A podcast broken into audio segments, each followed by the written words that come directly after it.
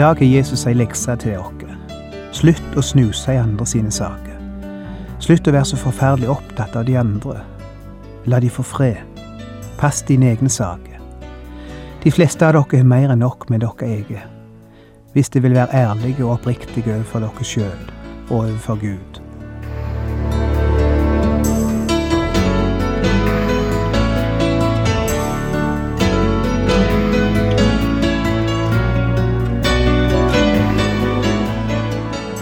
Hjertelig velkommen til et nytt program i serien Vindu mot livet. Vindu mot livet er basert på programserien Insight for Living ved Chuck Svindal. Programmet er produsert av Kristen Riksradio og blir ledet av Ola Bjoland.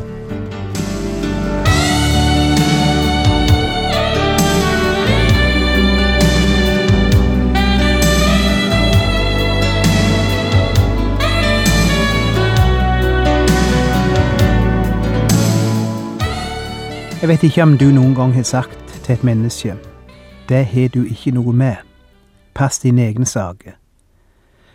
At de har stukket nesen si i noe de ikke har noe med, blant seg opp i ting som du føler er private. Mennesker som snuser i saker som ikke er deres, og mener at du skal følge deres agenda og deres måte å leve på. Jeg snakker ikke nå om bibelske og etiske spørsmål, men om personlige og private prioriteringer. Jeg snakker om smak og behag, om hva en vil bruke sin tid og sine penger til, for eksempel.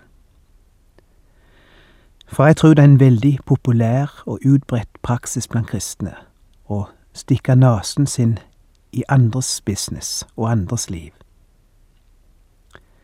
For eksempel en som kjøpte seg en seilbåt antagelig nokså dyr seilbåt, og da han fortalte en av sine venner om kjøpet, la han til, ikke fortell det til noen, ikke til noen kristne iallfall. Hvorfor ville han si noe sånn? Fordi han lever i frykt for at noen kristne vil si at han ikke burde kjøpe en seilbåt. Noen vil stikke hovene sammen og kritisere han fordi han brukte så mye penger på en båt hadde det ennå vært et hus. For mange kristne har dyre hus og flotte heime. men en seilbåt, nei, det burde ikke en kristen kaste bort så mye penger på. Eller andre ting som har med personlig og privat prioritering å gjøre. Jeg våger nesten ikke ta eksempel, for noe av det kan være nokså touchy. Det kan ha med kultur å gjøre.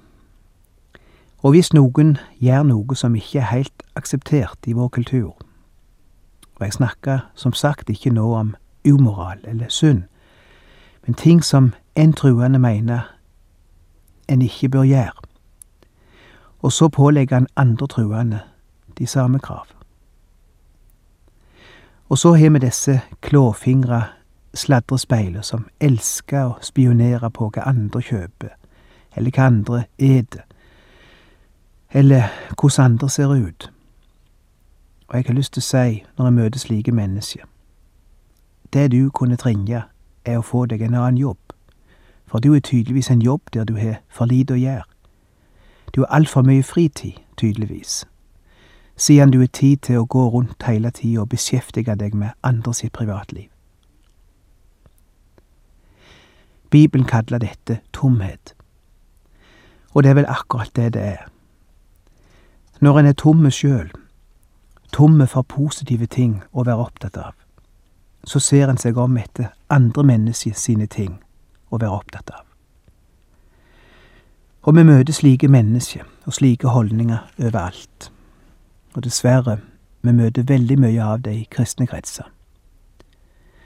For det ser ut for at noen blander dette sammen med omsorg og nidkjærhet ennå det i mange tilfeller ikke er noe annet enn klåfingerhet og nysgjerrighet på andre sitt privatliv. Ukepressen er full av dette, dagspressen òg. Og ingenting selger så godt som det å kikke inn i andre sitt privatliv, særlig kjendiser sitt privatliv. eh, kikke inn i hva andre bruker pengene til. Hva slags møble eller hva slags bil eller hus eller hytte andre har, og som de ikke burde hatt, fordi jeg har ikke det. Hør noen ord som Bibelen sier om dette, Matteus 7 ifra vers 1. Døm ikke, for at dere ikke skal bli dømt. For dere skal selv dømmes etter den dom dere feller over andre, og det skal måles opp for dere i det målet dere selv bruker. Hvorfor ser du flisen i din brors øye, men bjelken i ditt eget øye legger du ikke merke til? Eller hvordan kan du si til din bror, la meg ta flisen ut av øyet ditt, når det er en bjelke i ditt eget, din hykler? Er kjente ord av Jesus men et av de ordene i Bibelen det blir mest sunna imot av kristne, tror jeg. Og jeg kunne fortsatt å sitere fra Bibelen. Paulus snakker om dette. Jakob snakker om det. Peter snakker om det. Når en predikant sitter igjen bilen hjemme i garasjen når han skal tale på et møte, i frykt for å bli kritisert for å ha kjøpt seg ny bil, hvor i all verden skal dette ende? Hvor mange mennesker skal vi prøve å tilfredsstille, prøve å ta hensyn til? Hvor mange meninger og oppfatninger skal få lov til å styre våre liv? Er det ikke det som er den store svøba for mange kristne i dag, at de er så livredde for hva folk skal si om ditt og datt, hva den og den skal tenke hvis de gjør det og det, ikke hva Gud skal tenke, men hva den og den skal tenke. Og jeg blir redd av og til når jeg setter meg ned og analyserer meg sjøl og mine handlinger, og spør meg sjøl hvor mye av dette gjorde du for å tilfredsstille noen mennesker som hadde øynene sine på deg? Og hvor mye lot du være å gjøre for å slippe å bli kritisert av noen som er mer opptatt av andre sine saker enn de er av sine egne? Hvor mye av ditt liv er styrt av mennesket, og hvor mye er styrt av Gud? En forretningsmann hadde følgende visdomsord stående på sin kontorpult. Jeg vet ikke hemmeligheten bak suksess, men jeg vet hemmeligheten bak fiasko. Prøv å tilfredsstille alle. Hvis jeg kunne forandre én ting i de kristne forsamlingene, én ting, så tror jeg det første jeg ville gjort, var å forsegle lippene på en del mennesker som ikke har noe annet å gjøre enn å snakke om andre truende sitt privatliv. Og jeg ville, hvis jeg kunne, forandre retning på noen sine øyne, ifra å være retta på andre til å bli retta på Han som vi tror på. Kan du forestille deg hvor fantastisk det ville blitt om vi hadde begynt å se på Jesus, i plassen for å se så mye på hverandre? Det skulle være unødvendig å nevne at hver eneste en av oss skal stå for Guds domstol og svare for oss sjøl. Vi skal ikke svare for andre. Det er vårt liv vi skal svare for, ikke de andre sine liv. Jesus vil aldri se oss inn i øynene den dagen og si, Fortell meg om Kåre. Fortell meg om Bertha. Hvordan brukte de pengene sine? Hva åt de, og hva drakk de? Nei, han vil se meg inn i øynene og si, Fortell om deg sjøl. Fortell om ditt liv. Kåre og Bertha må svare for seg sjøl. Skal slå opp i Johannesevangeliet kapittel 21. Fra denne tendensen vi har til å sammenligne våre liv med andre sitt, og sammenligne deres liv med vårt, leder meg til denne fantastiske scenen vi har der i Johannes 21, der Jesus nettopp stiller det spørsmålet. Hva har du med ham å gjøre? Det er Peter han stiller spørsmålet til. Hva har du med han å gjøre, Peter? Pass dine egne saker. De sitter ved stranda og eter frokost. Disiplene er nettopp vært ute og fiska den natta. Og på stranda står Jesus, og han er fyrt på grillen og steikt fisk til dem. Og de ligger der rundt bålet og lytter til bølgene. Og naglemerka hendene stell i stand mat til dem. For dette skjer etter at Jesus er dødd og stått opp igjen. Han bærer fremdeles merkene i hendene og i sida. Og disse hendene er det som nå steller i stand fisken og maten til de trøtte og sultne disiplene, der de ligger henslengt rundt bålet på stranda denne morgenen.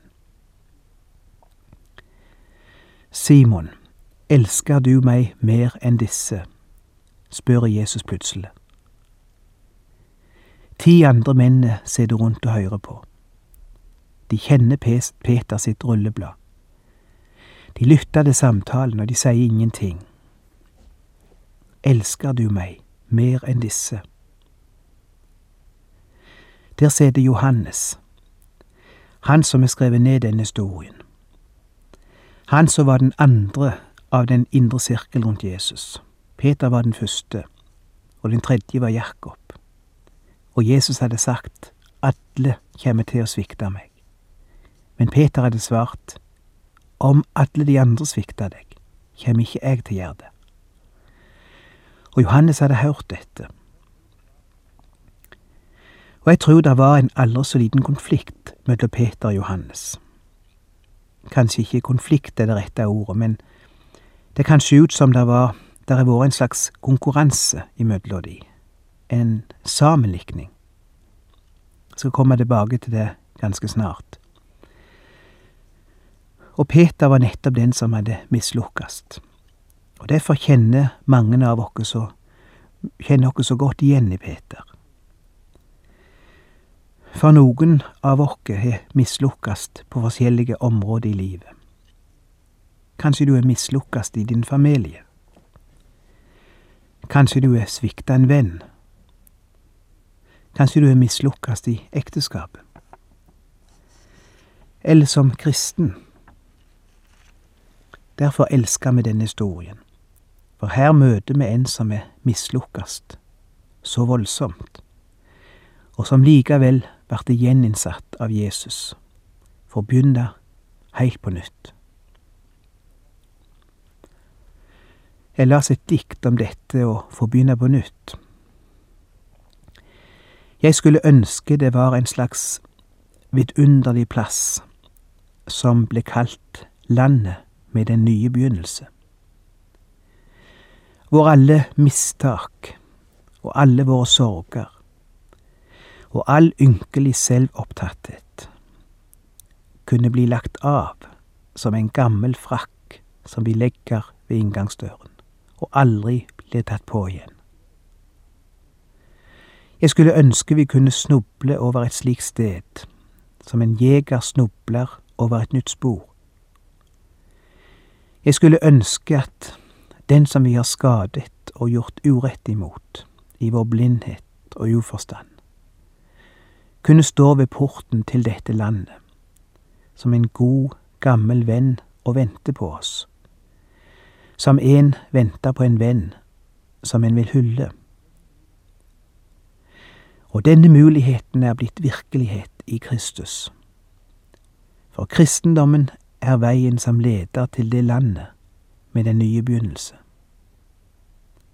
Hver dag åpnes en ny dør av tilgivelse og nye muligheter. Landet med den nye begynnelse har ingen grenser, intet forhør og ingen opptaksprøver. Og det er det Peter får møte her. Herre, du vet alt om meg. Og Jesus svarer, og du skal få begynne på nytt, Peter. Fø mine lam. Og så står det videre i vers 19. Da han hadde sagt dette, sa han til Peter, Følg meg. Samtalen er slutt, og han reiser seg og henvender seg igjen til Peter, og bare til Peter, og han sier, La oss gå, Peter, følg etter meg. Det er ikke de andre han snakker til, og Peter begynner å se på de andre og sier, Hvem er han? Hvem er Johannes? Peter snudde seg og så at den disippel som Jesus hadde kjær, fulgte etter. Det var han som hadde lent seg tilbake mot Jesus ved måltid og spurt, Herre, hvem er det som skal forråde deg? Da nå Peter fikk se ham, sa han til Jesus, Herre, hva skal så skje med ham? Det er Johannes det er snakk om her. Og som jeg sa, det kan se ut som det har vært slags, et slags konkurranseforhold mellom disse to, eller et slags sammenlikningsforhold. Og jeg vil vise det med å slå opp i kapittel 18. Det vil kanskje hjelpe oss til å forstå hvorfor Peter spør om nettopp Johannes her, og ikke om Andreas eller Matteus eller noen av de andre. Vers 15. Peter er nettopp forsikra om at han skal ikke fornekte Jesus samme hva som hender. Hør hva som står. Simon Peter og en annen disippel fulgte etter Jesus. Denne andre disippel kjente øverstepresten, og han kom inn på gårdsplassen foran øversteprestens bolig sammen med Jesus, mens Peter ble stående utenfor ved porten. Disippelen som kjente øverstepresten, gikk ut og snakket med tjenestepiken som holdt vakt ved porten, slik at Peter fikk komme inn. Jeg har faktisk ikke lagt merke til den detaljen før. Johannes, som det altså er tale om her, kjenner tydeligvis øverstepresten spesielt godt, noe som gjør at han får komme inn på gårdsplassen sammen med Jesus, mens Peter må stå utenfor. Men så går Johannes tilbake til portvakten og snakker med henne, slik at også Peter får komme inn. Og nettopp det var det som ble så skjebnesvangert for Peter. For vet du hva som hender nå? Han er ikke før kommet innenfor porten, så blir han stilt på den største prøven i sitt liv som fører til at han fornekter Jesus. Da sa tjenestepiken til Peter, Er også du en av disiplene til denne mannen? Nei, svarte han, det er jeg ikke. Hvis han bare ikke hadde vært der, hvis Johannes bare ikke hadde kommet tilbake og fått han inn på gårdsplassen, hvis han bare ikke hadde blitt ført gjennom denne porten, så kunne alt vært unngått. Og jeg syns jeg kan høre Peter si det om igjen og om igjen etter den fatale natta, eller iallfall tenke det. Hvorfor lot du meg inn, Johannes? Hvorfor lokte du meg opp i dette?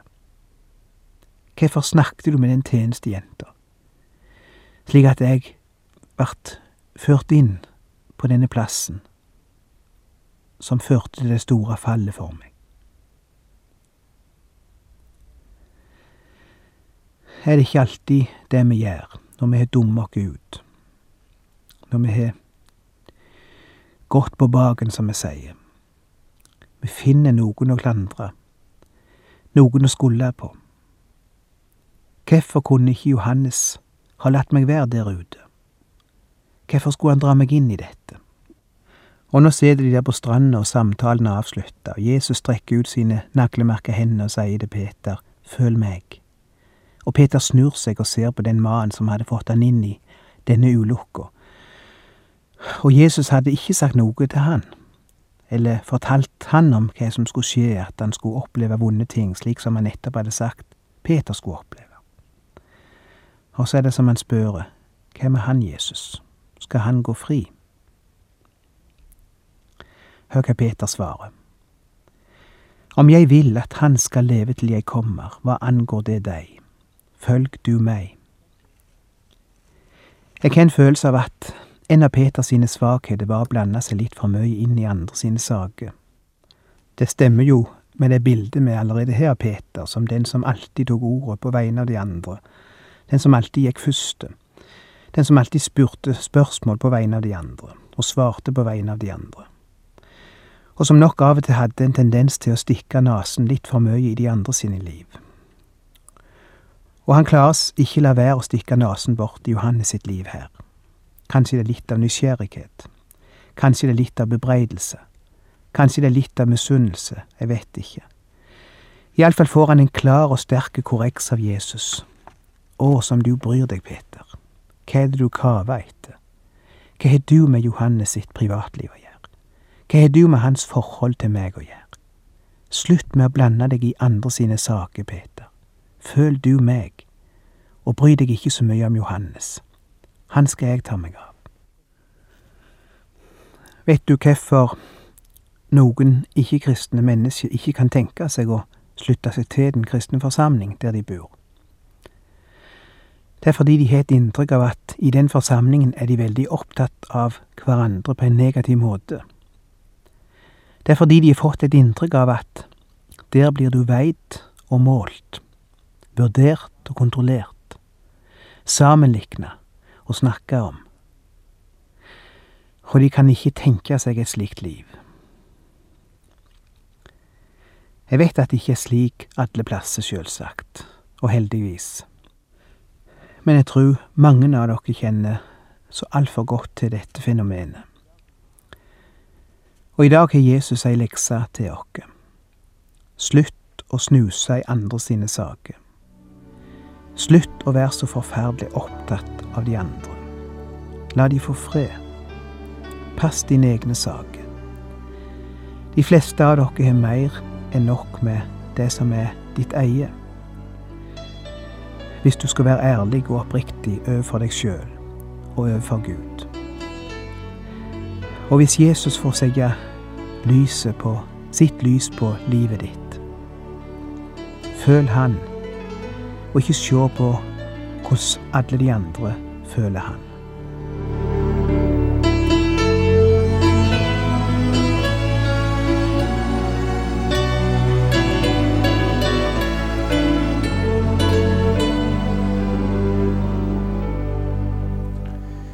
Du har lytta til Ola Bjoland i serien 'Bindu mot livet' fra Kristen Riksradios arkiv. Ola Bjoland var ansatt i Kristen Riksradio til han døde i 2002.